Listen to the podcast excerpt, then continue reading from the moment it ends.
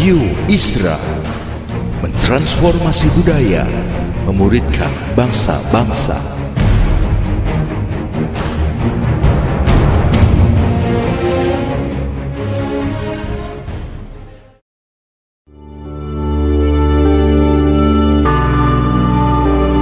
Apostolic Prophetic Messages mengungkapkan pesan dan arahan dari hati Tuhan bagi gerejanya demi menuntaskan mandat kerajaan Allah di Indonesia dan bangsa-bangsa.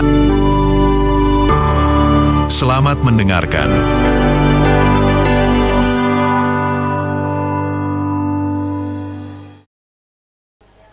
Puji Tuhan.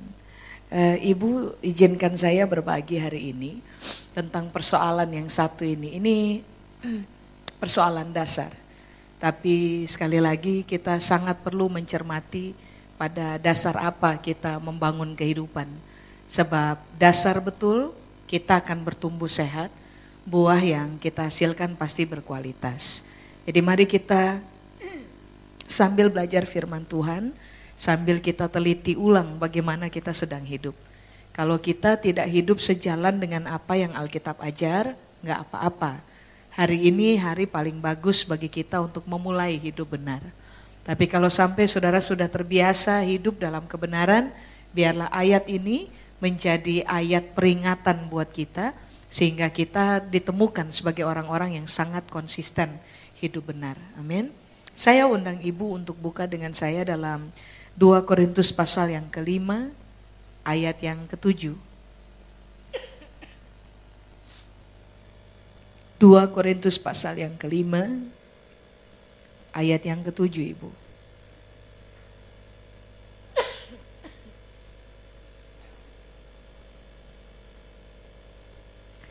Kalau ibu sudah dapat saya baca, 2 Korintus pasal yang kelima, ayat yang ketujuh. Alkitab bilang ini ibu, sebab hidup kami ini adalah hidup karena percaya, bukan karena melihat. Nah kata melihat di situ ibu, kalau dalam bahasa Yunaninya, itu menggunakan kata ini, eidos. Eidos itu artinya begini, penampilan luar atau laporan penglihatan mata. Jadi Paulus lagi bilang kepada jemaat di Korintus bahwa kalau kamu hidup, kamu tidak boleh hidup karena penampilan luar. Atau kamu nggak bisa hidup karena cuman bergantung kepada laporan dari penglihatan mata. Sebab kan kita tahu Bapak Ibu, Saudara-saudara, bahwa mata kita itu sering kali menipu kita kan. Contoh, orang bisa bilang hijau sebagai biru, dan orang bisa bilang biru sebagai hijau. Lalu, kalau saudara bawa kendaraan, harus melempa, me, melewati jalan yang panjang, mata kita memberikan laporan bahwa di depan jalan itu ada minyak atau ada kayak air bergerak. Saudara pernah alami itu kan? Nah, ternyata waktu kita sudah tiba pada titik itu, nggak ada minyaknya, nggak ada airnya. Berarti kan Alkitab lagi berupaya kasih tahu kepada kita, kalau memang harus hidup, jangan terlalu percaya dengan penampilan luar. Kalau memang harus hidup, jangan terlalu percaya dengan laporan mata, laporan penglihatan mata. Sebab kadang-kadang yang kita lihat itu menipu. Makanya saudara masih ingat waktu Samuel datang ke rumah Isai, bapaknya Daud, untuk mengurapi raja bagi Israel. Isai itu menyodorkan semua anak yang hebat dalam penglihatan mata. Sampai Samuel sendiri berpikir bahwa sungguh yang lagi berdiri di depan saya adalah raja yang diurapi oleh Tuhan untuk pimpin Israel. Tapi masih ingat Tuhan keluarkan kalimat apa untuk Samuel? Tuhan bilang, manusia lihat perawakan, Tuhan lihat hati. Berarti Tuhan lagi berupaya untuk kasih tahu bahwa kalau mau percaya, Jangan pernah percaya penampilan. Kalau kalau harus percaya, jangan terlalu percaya dengan laporan penglihatan mata. Saudara dan saya harus percaya karena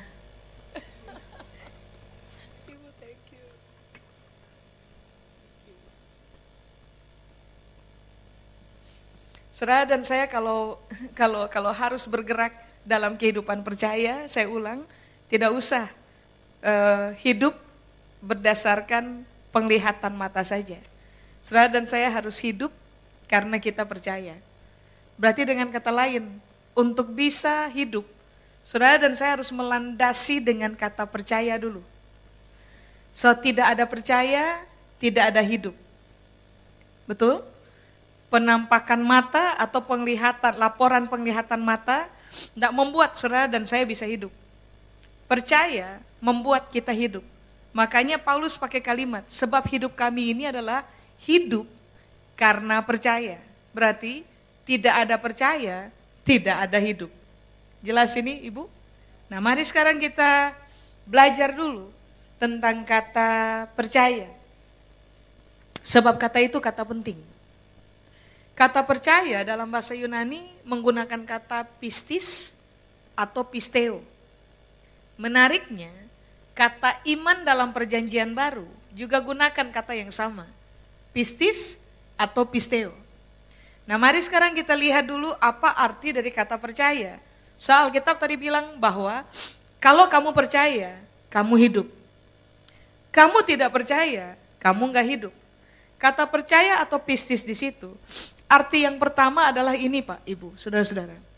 Keyakinan yang teguh terhadap perkataan firman Allah. Saya ulang. Keyakinan yang teguh terhadap perkataan firman Allah. Berarti Alkitab bilang, kalau kamu tidak memiliki keyakinan yang teguh terhadap perkataan firman Allah, kamu nggak hidup. Kalau kamu hanya bergantung kepada laporan penglihatan mata saja, kamu tidak hidup. Kalau kamu percaya hanya kepada penampilan luar saja, kamu tidak hidup. Makanya untuk bisa hidup, bergerak, bernapas, dan menikmati apa yang Tuhan rencangkan untuk kehidupan saudara dan saya, ini yang perlu kita pertanyakan untuk diri sendiri. Terhadap firman Allah, saudara dan saya teguh dalam keyakinan enggak? Sebab secara teori orang bilang, saya percaya kok sama firman. Tapi dalam praktek, ini yang perlu kita pertanyakan untuk diri sendiri. Teguh, berpegang pada firman Allah enggak? Keyakinan kita terhadap firman Allah itu nggak bisa digoyah lagi. Sementara orang bilang bisa, nggak bisa, tapi Tuhan bilang bisa. Nah, yang saudara dan saya akan pegang itu yang mana? Apa kata orang berdasarkan kalkulasi logika berpikir atau apa kata Tuhan berbasic dari kebenaran firman-Nya. Nah ini yang ibu dan juga saya dan juga bapak harus pahami bahwa tidak ada perkataan Tuhan yang gagal. Dari dulu sampai hari ini dan sampai ke depan tidak ada perkataan Tuhan yang gagal. Kenapa? Sebab Alkitab bilang, apa saja yang keluar dari mulut Allah yaitu perkataannya, yaitu firmannya, itu tidak akan pernah berhenti di tengah jalan. Firman itu akan bekerja begitu rupa dalam hidupnya kita, sampai tujuan dari firman itu terlaksana. Berarti ini yang Alkitab ajar untuk saudara dan saya bangun dalam hidupnya kita. Bahwa sangat penting saudara dan saya memiliki keyakinan yang teguh terhadap firman Allah. Laporan mata menipu Pak, Ibu, saudara-saudara. Tapi firman Allah itu tidak mungkin tipu kita. Laporan mata belum tentu menjanjikan sesuatu yang pasti terjadi. Tetapi firman Allah yang saudara dan saya pegang, lalu yakini dengan teguh di dalam kita, firman itulah yang akan berhasil. Pernahkah saudara menemukan firman gagal? Secara start dari kitab kejadian pasal pertama, Tuhan telah berupaya memberitahukan kepada saudara dan saya bahwa jangan pernah remehkan dia punya firman. Jangan pernah remehkan dia punya perkataan. So dalam kejadian pasal 1 Alkitab bilang Tuhan tuh tinggal ngomong, tinggal berfirman. Jadilah terang, maka terang pun jadi. Tuhan tinggal ngomong aja, cakrawala jadi, maka cakrawala pun jadi. Tuhan tinggal bicara dan apa pun yang dia bicarakan itu pasti jadi. Karena alasan itulah Kenapa? Saudara dan saya harus memiliki kehidupan yang eh, yang, yang yakin teguh, yakin sepenuhnya bahwa apa kata Tuhan itu jauh lebih penting daripada apa kata orang, apa kata saya berdasarkan laporan penglihatan mata. Jelas ini Bapak Ibu? Kedua, percaya atau pistis atau pisteo. Pengertian yang kedua adalah begini. Firman adalah jaminan kepastian. Coba lihat. Karena firman adalah jaminan kepastian, makanya kita teguh dalam meyakininya. Seandainya firman bukan sebuah jaminan kepastian, maka saudara dan saya akan susah untuk teguh dan meyakininya. Jadi kalau Alkitab bilang begini, kamu hidup karena percaya, mainkan dulu percayanya, baru kamu hidup. Berarti ini yang harus kita teliti. Satu, saya meyakini dengan teguh bahwa firman Allah adalah sebuah jaminan kepastian gak? Kalau saya yakin teguh bahwa firman Allah adalah sebuah jaminan kepastian, maka yang terjadi adalah saudara dan saya bisa menjalani hidup, bertahan hidup, dan menjadi berhasil dalam hidupnya kita. Amin. Coba, saudara buka dengan saya. Ibu bisa buka dengan saya. 2 Korintus pasal yang pertama ayat 19 sampai dengan ayat yang ke-20.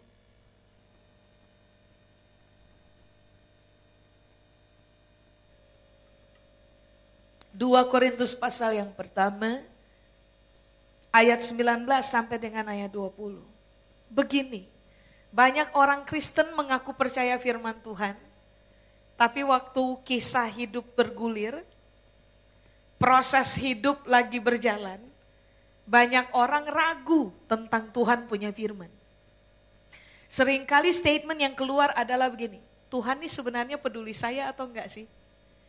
Tuhan ini sebenarnya dengar doa saya atau enggak sih? Tuhan itu bisa enggak sih genapi janji untuk saya? Atau jangan-jangan dia sudah lupa dengan janji? Tuhan ini cinta saya enggak sih? Kalau dia cinta kenapa hidup saya begini? Nah, rata-rata dalam proses hidup kalimat-kalimat itu keluar kan. Sedangkan Alkitab ajar bahwa kalau kamu mau hidup, kamu harus percaya. Kamu harus memiliki keyakinan yang teguh bahwa firman Allah adalah jaminan kepastian. Mari kita lihat. 2 Korintus pasal yang pertama ayat 19. Coba sudah lihat. Karena Yesus Kristus firman Allah yang hidup itu anak Allah yang telah kami beritakan di tengah-tengah kamu, yaitu olehku dan oleh Silwanus dan Timotius. Bagaimana? Bukanlah ya dan tidak. Tetapi sebaliknya, di dalam dia hanya ada kata ya. Ulangnya, Yesus Kristus adalah firman Allah yang hidup. Tinggal di dalam dia tinggal di dalam firman Allah, meyakini firman Allah di dalam keteguhan, yang saudara dan saya akan dapatkan itu cuma kata ya. Enggak ada kata tidak di dalam kebenaran. Makanya Alkitab berupaya kasih buat kita bahwa begini, Kristus dan firmannya dan janjinya tidak ada kaitan dengan iya dan tidak. Kristus dengan kebenarannya, dengan firmannya Kaitannya cuma dengan satu saja, iya. Makanya semua orang yang meyakini teguh perkataan Tuhan, mereka akan mendapatkan jaminan kepastian. Bahwa sekali Tuhan bicara buat mereka, mereka pasti dapat itu tuh. Karena Alkitab bilang di dalam Kristus hanya ada kata iya saja. Makanya coba saudara lihat dengan saya di ayat 20. Di ayat 20 ini yang Paulus ajar kepada jemaat di Korintus. Sebab Kristus adalah ya bagi semua janji Allah. Itulah sebabnya oleh dia, oleh Kristus, oleh firman yang hidup itu. Kita mengatakan amin untuk memuliakan Allah. Tahukah saudara bahwa waktu Tuhan berfirman kepada saudara yang isinya adalah janji. Ini yang Alkitab bilang. Janji itu pasti ya bagi saudara dan saya. Tidak mungkin Tuhan bilang, oke, okay, firman memang berjanji untuk kamu. Tapi hari ini saya bilang tidak, sorry saya nggak bisa jawab. Nah itu nggak ada ceritanya bu. Kalau firman berjanji buat kita, lalu kita percaya kepada firman yang hidup itu, Kristus sendiri, yaitu yaitu firman kebenaran itu sendiri, maka waktu Bapak lihat, Bapak bisa, Bapak akan selalu jawab, iya, itu sudah janji. Maka janji itu akan digenapi buat kamu. Makanya ayat 20 bilang begini, makanya kita bilang amin. Kenapa kita bilang amin? Karena kita sedang memuliakan Allah. Amin sama dengan kita sedang memuliakan Allah. Kenapa kita memuliakan Allah? Sebab kita telah memiliki keyakinan yang teguh di dalam sini. Bahwa semua janji Allah di dalam Kristus buat kita itu pasti jadi. Makanya udah nggak ada ragu lagi. Kenapa kita bilang amin? Sekalipun begini Pak Ibu, saudara-saudara. Di depan mata tampaknya nggak ada. Tapi kalau Tuhan bilang ada, kita akan berkata amin. Kenapa kita bilang amin? Kita sedang memuliakan Allah. Karena sekalipun di depan mata kita nggak lihat, tapi firman Allah yang akan selalu bilang iya buat kita, menjamin kepastian bahwa ini ada. Makanya kenapa Alkitab bilang, kalau kamu hidup, kamu harus hidup. Karena kamu lebih percaya apa yang tidak kelihatan. Firman Allah tidak terlihat, kita cuma dengar. Tapi sejalan dengan perubahan waktu, firman Allah itu akan bisa kita lihat ketika Tuhan menggenapi apa yang dia bicarakan kepada kita. Makanya sekarang ini yang harus kita uji ulang. Kamu lebih percaya kepada apa yang di depan mata, yang notabene adalah kadang-kadang sering kali menipu, atau kamu lebih percaya kepada apa yang tidak terlihat di depan mata, tapi Tuhan sudah jamin bahwa itu pasti kamu akan dapat. Nah ini yang akan kita mainkan dalam hidupnya kita. Saya nggak lihat sih. Tapi Tuhan ngomong saya punya. Berarti saya akan berkata amin untuk memuliakan Allah. Seapapun yang Tuhan bicara untuk saya, sekalipun hari ini nggak terlihat, itu pasti akan kelihatan oleh mata saya. Amin Ibu. Coba-coba. Ibu buka dengan saya dalam bilangan pasal 23. Kita punya masalah selalu adalah saya nggak lihat. Bukankah Yesus sekali waktu bilang buat Thomas, Tom, berbahagialah mereka yang tidak melihat tapi percaya. Nah Paulus lagi berupaya ajar itu tuh, prinsip itu tuh dengan kalimat yang tadi. Apa tadi? Kami nggak hidup karena melihat. Kami hidup karena percaya. Kenapa kami percaya? Sebab, coba saudara buka dengan saya bilangan 23 ayat 19.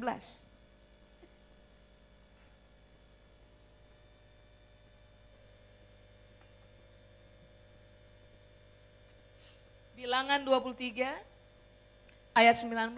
Coba saudara lihat. Kenapa sekalipun kita nggak lihat, tapi kita percaya. Sebilangan 23 ribuan tahun yang lalu, Tuhan telah berupaya kasih tahu buat kita siapa dia yang sebenarnya. Saya baca ya Ibu. Allah bukanlah manusia. Jangan samakan Tuhan dengan manusia. Allah bukanlah manusia sehingga ia berdusta. Bukan anak manusia sehingga ia menyesal. Masakan ia berfirman dan tidak melakukannya atau berbicara dan tidak menepatinya. Jadi Alkitab lagi berupaya kasih tahu ini buat kita. Tuhan bukan manusia. Manusia berdusta, Tuhan enggak. Tuhan bukan manusia. Yang asal ngomong lalu setelah itu menyesal. Karena rata-rata manusia ngomong dulu baru mikir. Setelah mikir baru nyesel. Nah Tuhan tidak akan pernah mungkin menyesal. Sebab sebelum dia ngomong atau berjanji kepada saudara dan saya, Alkitab bilang ini, dia ukur dulu kekuatannya. Dia bisa genapi untuk kita enggak? Karena dia tahu dia punya kemahakuasaan. Dan dia tahu dia bisa bikin apa aja, bahkan menggenapi janjinya buat kita. Makanya Tuhan langsung janji itu buat kita. Dan dia tidak pernah menyesal. Jadi ini yang sudah dan saya harus kasih tahu untuk diri sendiri. Tuhan bukan manusia. Manusia dusta Tuhan enggak. Manusia nyesel Tuhan enggak pernah nyesel. Apa pun yang dia janji dia pasti bikin. Makanya penulis kitab bilangan bilang begini. Bahasa saya, masa sih? Kan kalau bahasa Indonesia bilang masakan. Dalam bahasa kita sehari-hari kan kita bisa bilang gini, masa sih? Tuhan berfirman dan dia tidak melakukannya untuk saya. Masa sih Tuhan bicara buat saya dan dia nggak menepatinya. Jadi kalau ada, ada begini, ada kebohongan-kebohongan yang bermain dengan liar dalam pemikiran kita. Sambil berkata begini, ini sudah terlalu lama. Tuhan belum genapi janji. Jangan-jangan dia lupa. Jangan-jangan dia main-main dengan janji yang dia pernah ngomong buat saya. Kalau keliaran berpikir itu, bermain dalam saudara dan saya punya cara berpikir. Saudara dan saya harus berani bantah dengan kata itu tuh. Masa sih? Enggak lah. Tuhan enggak gitu. Kalau dia bicara, kalau dia berfirman, dia pasti bikin untuk saya. Kalau toh belum terjadi hari ini dan kalau toh mata saya belum lihat, itu bukan berarti Tuhan bohong. Berarti sederhana saja, cuma masalah waktu. Iya, so tadi kita sudah belajar. Kristus, firman Allah yang hidup adalah ya bagi semua janji Allah. Jadi Tuhan ngomong apa aja, belum kelihatan sih, kita tetap mempercayainya sebagai yakin dengan teguh bahwa itu adalah jaminan kepastian? Iya. Kenapa? Sebab itu aja yang telah kita pahami. Masa sih dia bicara dia enggak bikin? Masa sih dia janji dia enggak genapi? Enggak. Manusia melakukannya, Tuhan enggak. Nah pada titik ini kita harus sangat mengakar Pak Ibu. Pada, ke, pada kebenaran ini saudara dan saya harus sangat mengakar. So, kalau saudara dan saya tidak mengakar kepada kebenaran ini, percayalah. Hari ini kita bisa percaya Tuhan, besok kita bisa ragu-ragu. Lusa kita bisa mempertanyakan Tuhan, besoknya lagi kita bisa tinggalkan Tuhan. Hanya gara-gara di depan matanya kita, kita belum melihat apa yang kata Tuhan dia janji untuk kita. Kalau saudara dan saya hanya hidup berdasarkan laporan penglihatan mata, kita nggak akan menikmati kita punya hidup dan berhasil dalam hidup. Tapi kalau kita mempercayai dengan teguh keyakinan mengenai perkataan Tuhan sebagai jaminan kepastian, hari ini kita nggak lihat pun buat kita nggak masalah. So kita tahu it's just the matter of time. Ini cuma masalah waktu. Tinggal tunggu waktu saja apa yang tidak terlihat akan menjadi terlihat kok. Dulu benda penerang nggak ada. Tuhan bicara, benda penerangnya jadi. Dulu cakrawala nggak ada. Tuhan bicara, cakrawalanya jadi. Dulu apa yang nggak ada, bisa ada karena Tuhan yang bicara. Sekarang, kalau toh yang nggak ada, kita lihat di depan mata nggak ada, yang kita butuhkan kan cuma satu, Tuhan bicara. Setelah dia bicara, tinggal tunggu waktu. Jadi kok. Amin Ibu? Oke, kita sudah belajar tentang kata apa tadi? Percaya. Kita sudah belajar tentang kata melihat. Sekarang kita belajar tentang kata hidup. Sebab Alkitab bilang, karena kamu percayalah, maka kamu hidup. Kalau kamu tidak percaya, kamu tidak hidup. Sekarang pertanyaannya, apakah hidup? Kata hidup di situ, bahasa Yunani bilang peripateo. Tulisannya sama aja bu, peripateo Yunani. Peripateo tuh artinya begini. Karena kamu percaya, maka kamu hidup sama dengan karena kamu percaya, makanya kamu akan bisa melewati proses hidup. Kata hidup atau peripateo itu artinya adalah melewati proses hidup. Begini Ibu, semua orang punya cerita proses masing-masing. Betul? Ada yang ringan, ada yang semi, ada yang berat. Terbanyak orang gagal pada proses berat. Berhenti di tengah jalan, lari dari proses, menyerah dalam proses, marah pada Tuhan, pahit tentang hidup, ujung-ujung paling buruk adalah tinggalkan Tuhan. Nah kenapa sampai Paulus bilang, kami hidup bukan karena ngeliat, bukan karena perawakan atau karena laporan penglihatan mata. Kami hidup karena kami punya keyakinan yang teguh terhadap firman Allah, karena firman Allah adalah jaminan kepastian. Karena alasan itulah, makanya Paulus bilang, kalau kamu percaya, kamu bisa lewati proses hidup. Halo? Begini Ibu, Ibu bisa lihat ke depan sebentar. Let's say, bilang aja, mimbar ini adalah proses hidup. Kita punya posisi ada di sini. Waktu saudara dan saya harus berhadapan dengan proses hidup, yang kita butuhkan itu firman Tuhan. Supaya saudara dan saya tidak seumur hidup cuman menetap berhadapan dengan proses ini aja dan gak pernah selesai. Atau kita selesai di tengah jalan. Enggak. Sebab prinsip yang tadi ayat itu ajar buat kita, selama kamu hidup di dalam firman Allah, selama kamu punya keyakinan yang teguh bahwa firman Allah adalah jaminan kepastian, maka yang terjadi adalah kamu di sini kamu akan berhadapan dengan proses hidup, tapi kemudian kamu akan melewatinya.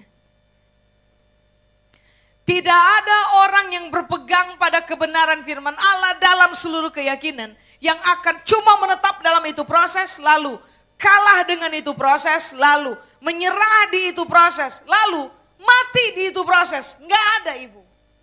Kenapa sampai Paulus bilang kamu harus sangat meyakini teguh apa kata firman Allah? Sekalipun kamu ada dalam proses, itu proses memang kamu akan hadapi, tapi kamu akan passing by. Kamu akan melewatinya. Jadi ingat ini baik. Tidak untuk selamanya, saudara dan saya menetap pada satu cerita proses.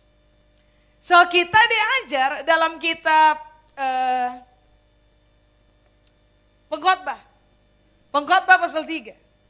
Bahwa dalam proses hidup Manusia akan berhadapan dengan kira-kira 28 musim. Pengkhotbah pasal 3 ayat 1 itu kan kalau saya nggak salah bunyinya adalah for everything there is a season and a time to every purpose under the heaven. Apa pun yang terjadi di bawah langit ada tujuannya. Tapi apa pun yang terjadi di bawah langit itu ada musim. Berarti saudara dan saya tidak mungkin berhadapan dalam hidup Cuma dengan satu musim saja. Alkitab ajar begini, saudara dan saya, selama kita percaya, kita akan mengalami peripateo. Kamu akan melewati satu musim, kemudian kalau toh kamu dibawa lagi kepada sebuah proses dalam cerita hidup, kamu akan berhadapan dengan itu proses lagi, tapi kamu akan melewati musim itu lagi. Berarti kan begini, Alkitab ajar ini buat kita, tidak ada yang namanya orang kalah dalam proses hidup selama mereka berpegang dalam keyakinan yang teguh terhadap firman Allah. Sebagai sebuah jaminan kepastian. Kalau toh sekarang ini akhirnya kita menemukan bahwa, eh, saya menyerah dalam proses. Saya kalah dalam proses. Saya punya proses nggak selesai-selesai dalam hidup. Nah sekarang uji ulang, apa yang kamu percayai? Jangan-jangan yang kamu percayai adalah apa yang dilihat oleh mata, laporan mata. Secara ini yang Alkitab ajar, yang harus kamu percayai adalah apa kata Tuhan sebagai jaminan kepastian. Selama orang percaya kepada Tuhan Pak, Ibu, ini yang Paulus bilang, kamu akan mengalami peripateo. Kamu cuma akan melewati proses dalam kehidupan. Kamu nggak tinggal dalam proses, kamu akan passing by, kamu akan melewatinya. Tanda cuman arti cuman satu, kamu menang dalam itu proses. Amin.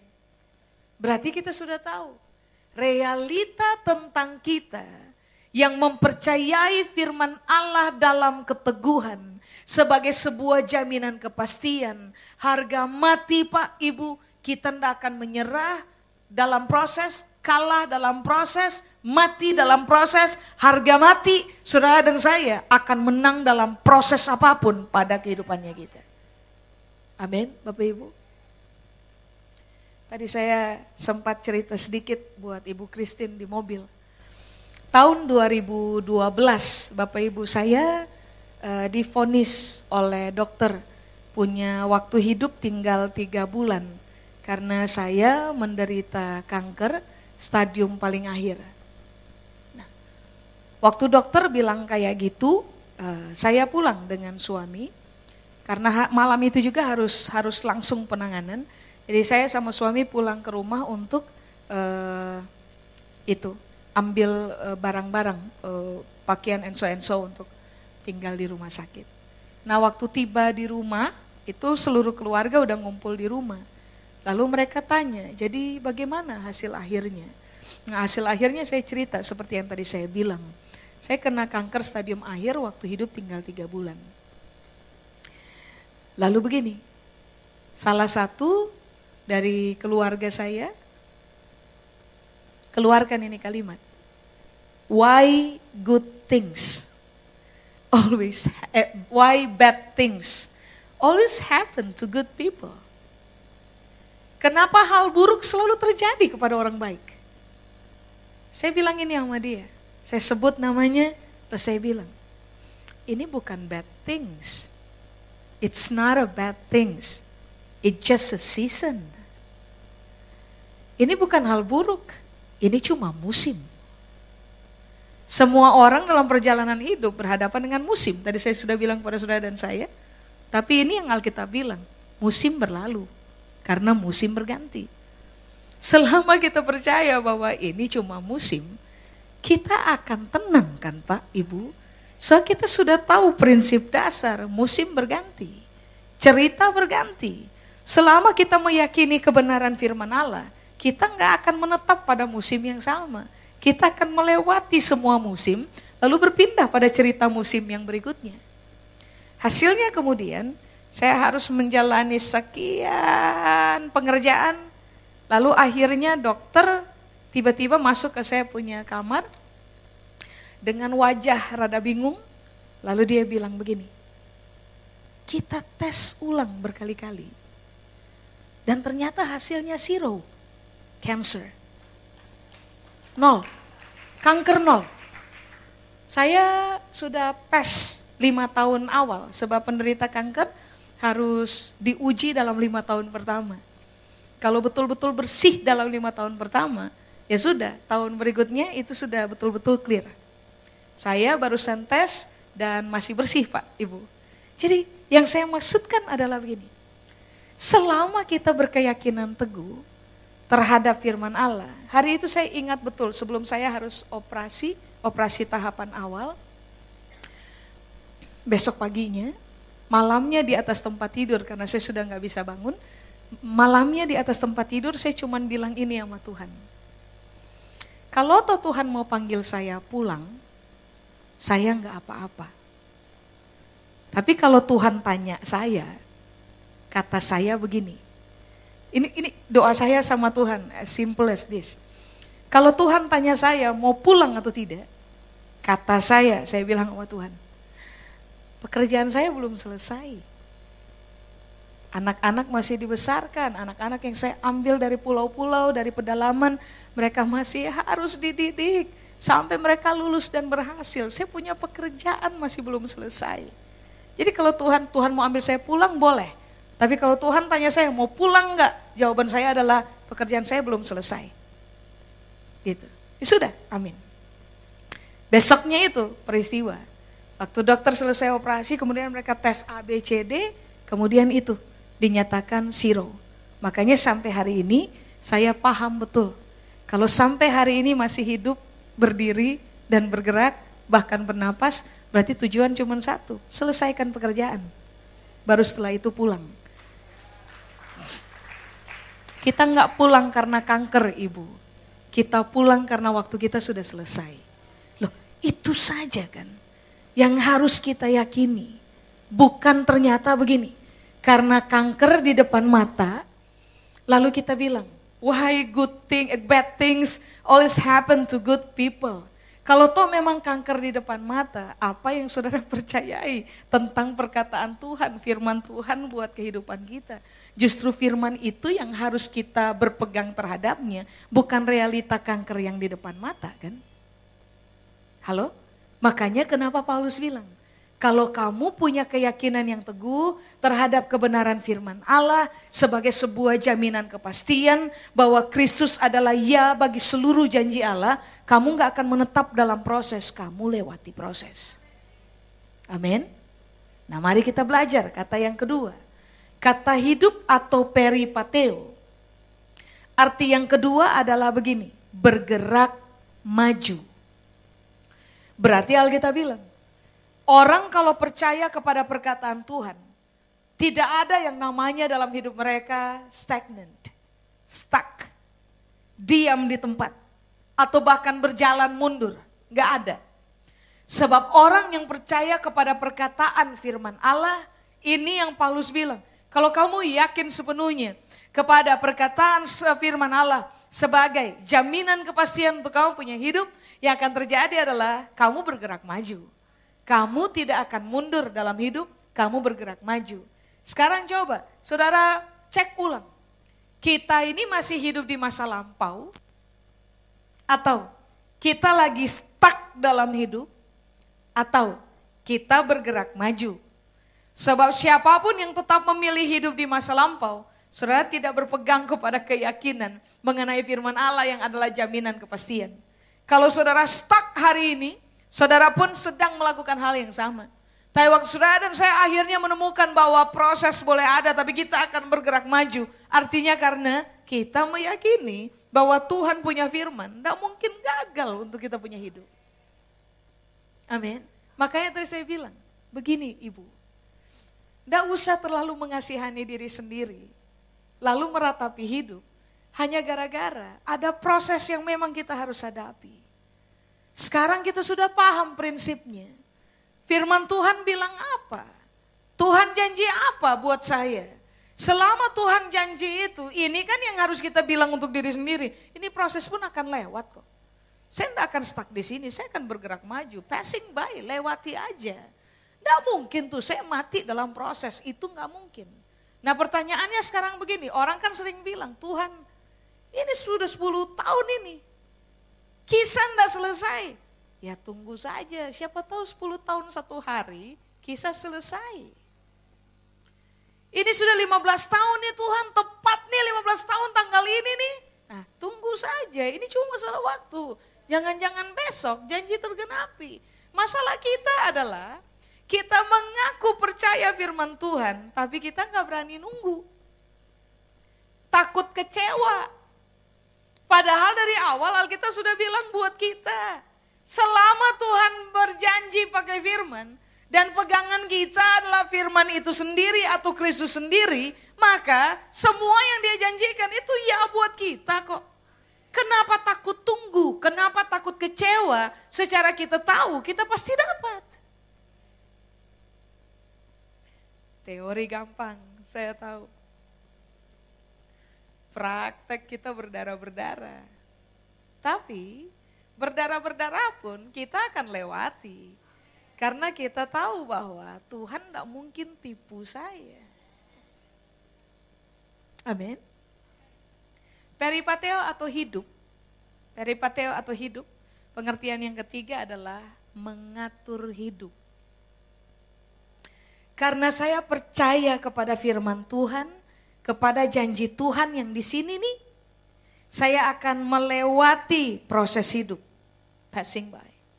Karena saya percaya kepada perkataan Tuhan yang adalah janji, jaminan kepastian untuk saya, saya nggak akan stuck di sini, meratapi nasib, enggak. Saya akan bergerak maju. Tapi yang ketiga, Karena saya percaya kepada perkataan firman Allah yang adalah jaminan kepastian. Saudara dan saya harusnya berkata kepada diri sendiri, oke, okay, saya atur saya punya hidup. Kegagalan orang Kristen memahami adalah beriman saja. Mari saya kasih tahu. Kekuatan dari hidup beriman adalah kita kita jago atur kita punya hidup. Saya kasih contoh. Sudah pernah nggak dengar teman-teman yang suka berkata begini? Menderita asam urat, cinta kacang-kacangan. Kacang enak disuguhkan di depan mata saudara. Dan karena can help it, nggak bisa tahan diri, akhirnya kalimat ini yang kita keluarkan. Sudah makan saja dalam nama Yesus tidak asam urat. Nah itu bukan iman. Itu kebodohan. Sudah tahu nih kolesterol. Ada durian. Musangking lagi. Di depan mata. Lalu kita bilang, beriman saja. Makan saja. Dalam nama Yesus, nggak akan kena itu kolesterol. Sudah, itu bukan iman. Itu kebodohan. Sudah bodoh pakai nama Yesus lagi. Tidak bisa ibu. Beriman itu, percaya itu, ternyata Alkitab bilang karena kamu percaya, kamu hidup artinya. Karena kamu percaya, kamu manage, kamu punya hidup. Kamu atur hidup. Nah dalam hidup ini banyak hal harus di manage kan Pak, Ibu. Banyak hal harus diatur. Kita punya kata-kata, kita punya kelakuan, kita punya sikap, kita punya apa lagi? Kita punya pekerjaan, sistem, strategi, uang, semua kita eh, kita harus atur. Sebab begini, kita percaya firman Tuhan tuh tidak mungkin gagal buat kita. Tapi Tuhan kasih buat kita hikmat untuk bisa atur segala sesuatu. Sampai ketika Tuhan genapi dia punya janji di dalam kita, kita tahu betul kita udah siap terima itu janji. Karena segala sesuatu kita sudah atur. Contoh sederhana. Alkitab, kitab Amsal sampai bilang begini, pemalas belajar sama semut. Musim sukar belum tiba. Tuhan kan jamin kelangsungan hidup, right? Tapi semut, musim sukar belum tiba, dia sudah lakukan seluruh persiapan sehingga waktu musim sukar tiba, dia nggak tinggal dalam kesukaran. Dia menikmati penyediaan karena dia atur segala sesuatu. Masalah dari kebanyakan orang Kristen adalah begini, kita nggak atur hidup, lalu musim kesukaran tiba, dan ujung-ujungnya Tuhan yang salah. Katanya Tuhan berkati, ini lihat mana coba, mana berkatnya? Makan aja susah, Salah atur. Salah atur. Contoh, Tuhan menjamin saudara dan saya punya masa depan gilang gemilang, betul? Tidak ada rancangan kecelakaan dalam Tuhan punya punya rancangan berkaitan dengan hidupnya kita. Tapi kalau saudara dan saya nggak atur hidup, kira-kira saudara dan saya punya kaki akan berjalan pada masa depan itu? Tidak. Makanya iman itu Alkitab mengajarkannya atau percaya. Alkitab mengajarkannya dengan realita ini. Kita harusnya atur hidup. Jago banget kita atur hidup. Percaya mau sembuh. Percaya dengan kesembuhan yang datang dari Tuhan. Kita percaya darah Kristus berkuasa sembuhkan kita punya penyakit dalam semua sisi. Tapi kita pun harus percaya dalam arti begini. Saya harus tata saya punya makanan dong. Saya tidak bisa sembarangan dengan apa yang saya makan, saya tidak bisa sembarangan dengan apa yang saya minum, saya tidak bisa sembarangan dengan saya punya waktu, saya tidak bisa sembarangan dengan istirahat saya atau tubuh saya, saya tidak bisa sembarangan. Tuhan tanpa batas, kita terbatas. Tuhan punya masa depan yang harusnya kita bisa nikmati. Tapi kalau dari hari ini saudara dan saya nggak mengatur segala sesuatu untuk berjalan menuju apa yang Tuhan janjikan kepada kita. Kira-kira kita akan nikmati apa yang Tuhan janjikan buat kita? Enggak Pak, Ibu. Nah kayaknya tadi saya bilang, kalau toh kita percaya kepada Tuhan, kita harus percaya pada posisi cerdas. Tuhan berjanji, dia kasih buat kita hikmat, supaya pada akhirnya kita bisa tata hidupnya kita, sehingga apa pun yang Tuhan rencanakan buat kita, it's done, terlaksana buat hidupnya kita. Contoh. Contoh ya. Tuhan janji, saudara punya, kita punya rumah tangga itu pulih. Suami kita bertobat, Tuhan janji itu. Tapi kalau ibu di rumah, nggak tata, nggak nggak ngatur kata-kata, nggak ngatur kelakuan, nggak ngatur sikap di depan suami. Mari saya tanya, mau tunggu suami bertobat berapa ribu tahun lagi? So, pertobatan selalu terjadi ketika orang melihat ada kualitas yang terus-menerus bertambah dalam kehidupannya kita. Janji Tuhan tergenapi cepat banget. Karena apa? Kita tata segala sesuatu. Amin. Jadi ibu, karena kita percaya pada Tuhan, kita bergerak maju. Karena kita percaya kepada janji Tuhan, hmm, kita melewati aja proses hidup. Nangis sih, tapi tahu pasti menang meratap sih, setengah mati sih, tutup muka pakai bantal untuk berteriak supaya jangan ada orang dalam rumah kita tahu bahwa kita lagi sesak. Kita melakukannya nggak apa-apa, tapi kita udah tahu kita cuma akan melewati ini kisah. Tapi yang berikutnya, karena kita percaya kepada semua janji Tuhan, kita tata hidupnya kita. Kita atur hidupnya kita. Itu bukti kita percaya. Amin. Terakhir Ibu. Dan setelah ini kita selesai. Ibu bisa buka dengan saya dalam 1 Samuel pasal 17.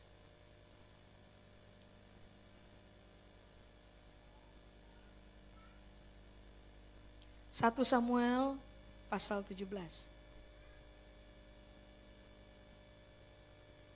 Mari saya baca ayat 23 sampai ayat 26, lalu lompat ayat 31 sampai ayat 37. 1 Samuel pasal 17 ayat 23 sampai 26, lompat 31 sampai 37. Ibu sudah dapat ya? Saya baca. Sedang ia berbicara dengan mereka, tampillah maju pendekar itu. Garis bawahi kata pendekar. Pendekar punya arti di situ dalam bahasa asli adalah orang yang tidak pernah terkalahkan dalam pertempuran. Tampillah maju pendekar itu. Namanya Goliat orang Filistin dari Gad, dari barisan orang Filistin. Ia mengucapkan kata-kata yang tadi juga, sorry, dan Daud mendengarnya. 24. Ketika semua orang Israel melihat orang itu, larilah mereka daripadanya dengan sangat ketakutan. Semua orang Israel di situ bukan orang awam termasuk ibu semua orang Israel yang tertulis di situ adalah tentara Israel. Oke. Kenapa tentara Israel lari?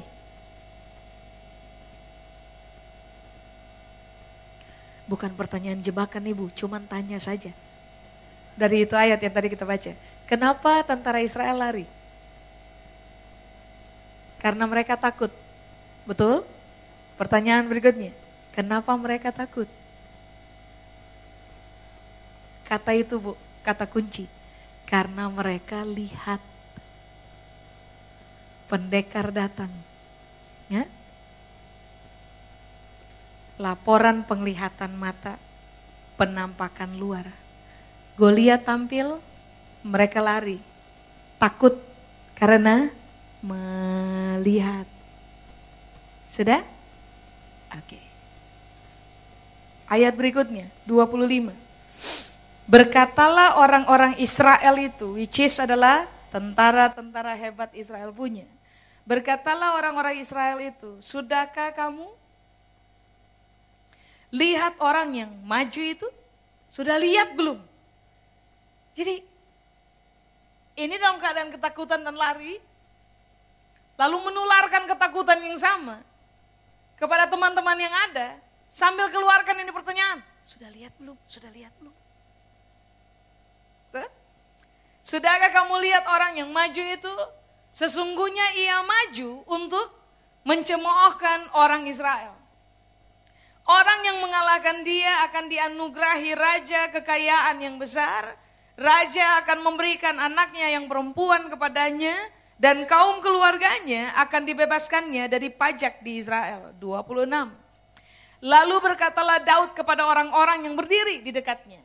Apakah yang akan dilakukan kepada orang yang mengalahkan orang Filistin itu dan menghindarkan cemooh dan yang menghindarkan cemooh dari Israel? Pertanyaan pertama. Saudara lihat pertanyaan Daud yang kedua. Siapakah orang Filistin yang tak bersunat ini? Sampai ia berani mencemoohkan barisan daripada Allah yang hidup. Saudara, kalimat kedua itu mengandung dua hal kalimat merendahkan dan kalimat kemarahan dari Daud. Coba, saya cerita dulu realita Daud.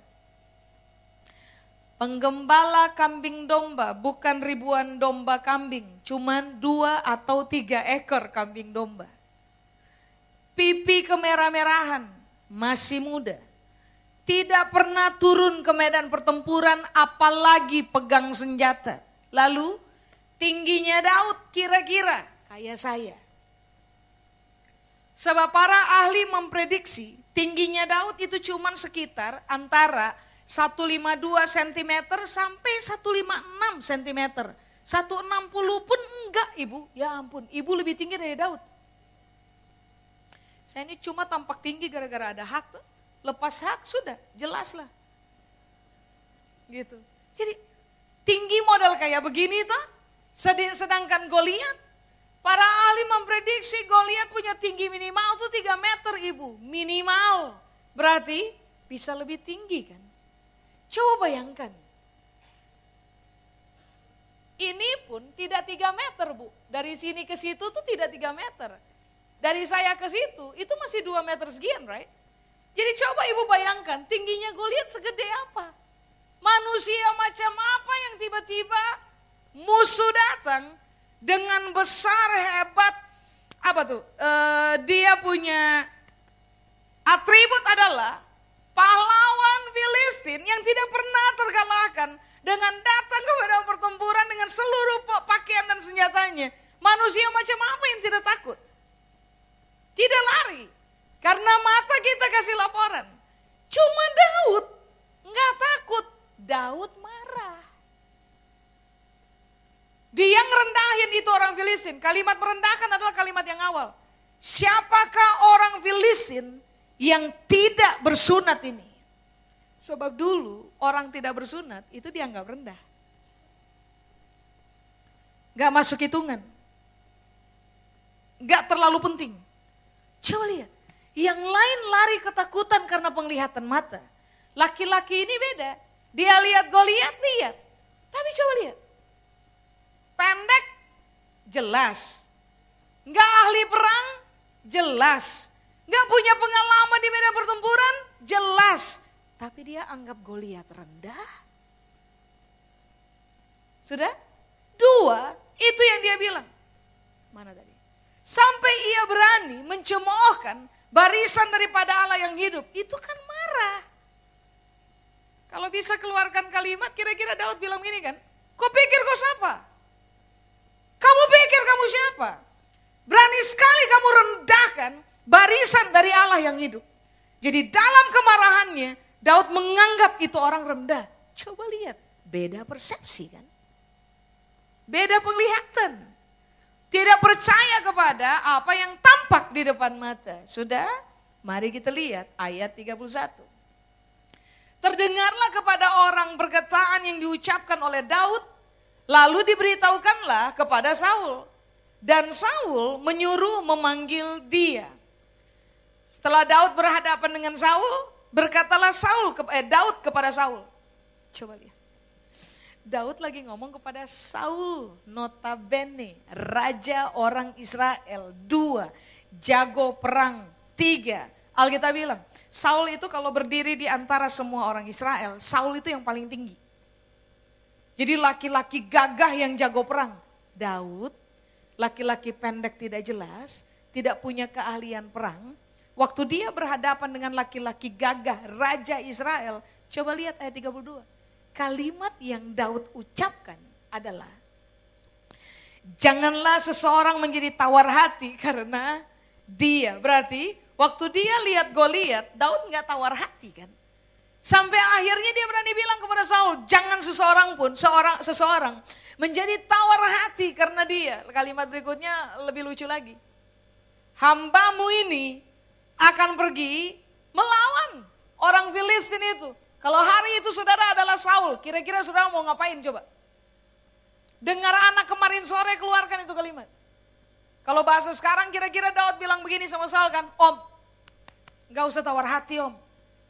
Om, om, om, om dengar ya, saya yang akan maju lawan dia. Itu kalau saya jadi Saul itu, saya akan jewer dia dan suruh dia pulang. Cuma laki-laki, coba lihat. Dia belum pernah lihat Goliat, enggak. Sementara dia lagi bicara di samping medan pertempuran, Goliatnya muncul. Dia lihat Goliatnya. Tapi satu, dia anggap rendah itu laki-laki. Dua, dia nggak tawar hati. Secara pahlawan perang, lari ketakutan. Dia sampai bilang kepada Saul, nggak usah tawar hati om. Kalau memang tidak ada yang mau maju lawan Goliat, biarkan saya yang maju lawan Goliat. Adapun nggak usah suruh mereka maju, biar saya aja yang maju lawan Goliat. Coba, itu kan tidak masuk akal. Sudah? Ayat 32. Coba sudah lihat ayat 33. Ini pemikiran orang kebanyakan. Tetapi Saul berkata kepada Daud, tidak mungkin engkau dapat menghadapi orang Filistin itu untuk melawan dia. Sebab engkau masih muda. Sedang dia sejak dari masa mudanya telah menjadi prajurit. Lalu kemudian Daud bilang, oh begitu ya om, ya sudahlah saya pulang, pamit ya om. Enggak. Coba lihat, setelah Saul keluarkan kalimat itu, harusnya orang patah arang kan. Tawar hati dan pulang. Coba lihat Daud punya kalimat. 34. Dan Daud berkata kepada Saul, hambamu ini, garis bawahi, ini kata penting, biasa. Bagaimana saudara biasa hidup dalam tiap-tiap hari, itu akan menggiring saudara kepada realita ini. Sekuat apa saudara hadapi persoalan. Bagaimana kita terbiasa bangun keyakinan tiap-tiap hari bersama dengan Tuhan. Itu yang akan menentukan bagaimana ketika tiba-tiba masalah besar datang buat hidup kita, bagaimana kita bisa menghadapinya tanpa tawar hati atau gentar. Makanya dia gunakan itu kalimat. Hambamu ini biasa. Menggembalakan kambing domba ayahnya. Apabila datang singa atau beruang yang menerkam seekor domba dari kawanannya, maka aku mengejarnya, menghajarnya, dan melepaskan domba itu dari mulutnya. Kemudian apabila ia berdiri menyerang aku, maka aku menangkap janggutnya. Setahu saya yang punya janggut itu singa. Orang begini Pak Ibu, jangankan kita berdiri dekat singa. Singa berjalan dari jauh ke arah kita aja gitu udah lari. Nah secara ini laki-laki dia bilang, apabila kemudian apabila ia berdiri menyerang aku maka aku tangkap janggut lalu menghajarnya dan membunuhnya. Lihat ayat 36. Coba lihat. Baik singa maupun beruang telah dihajar oleh hambamu ini. Dan sekali lagi dia keluarkan kalimat itu, kalimat merendahkan.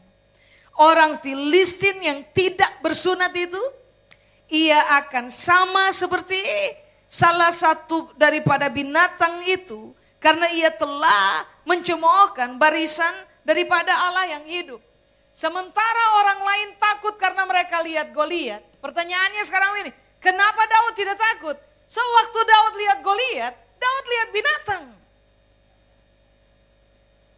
Sudah ngerti maksudnya nggak sih?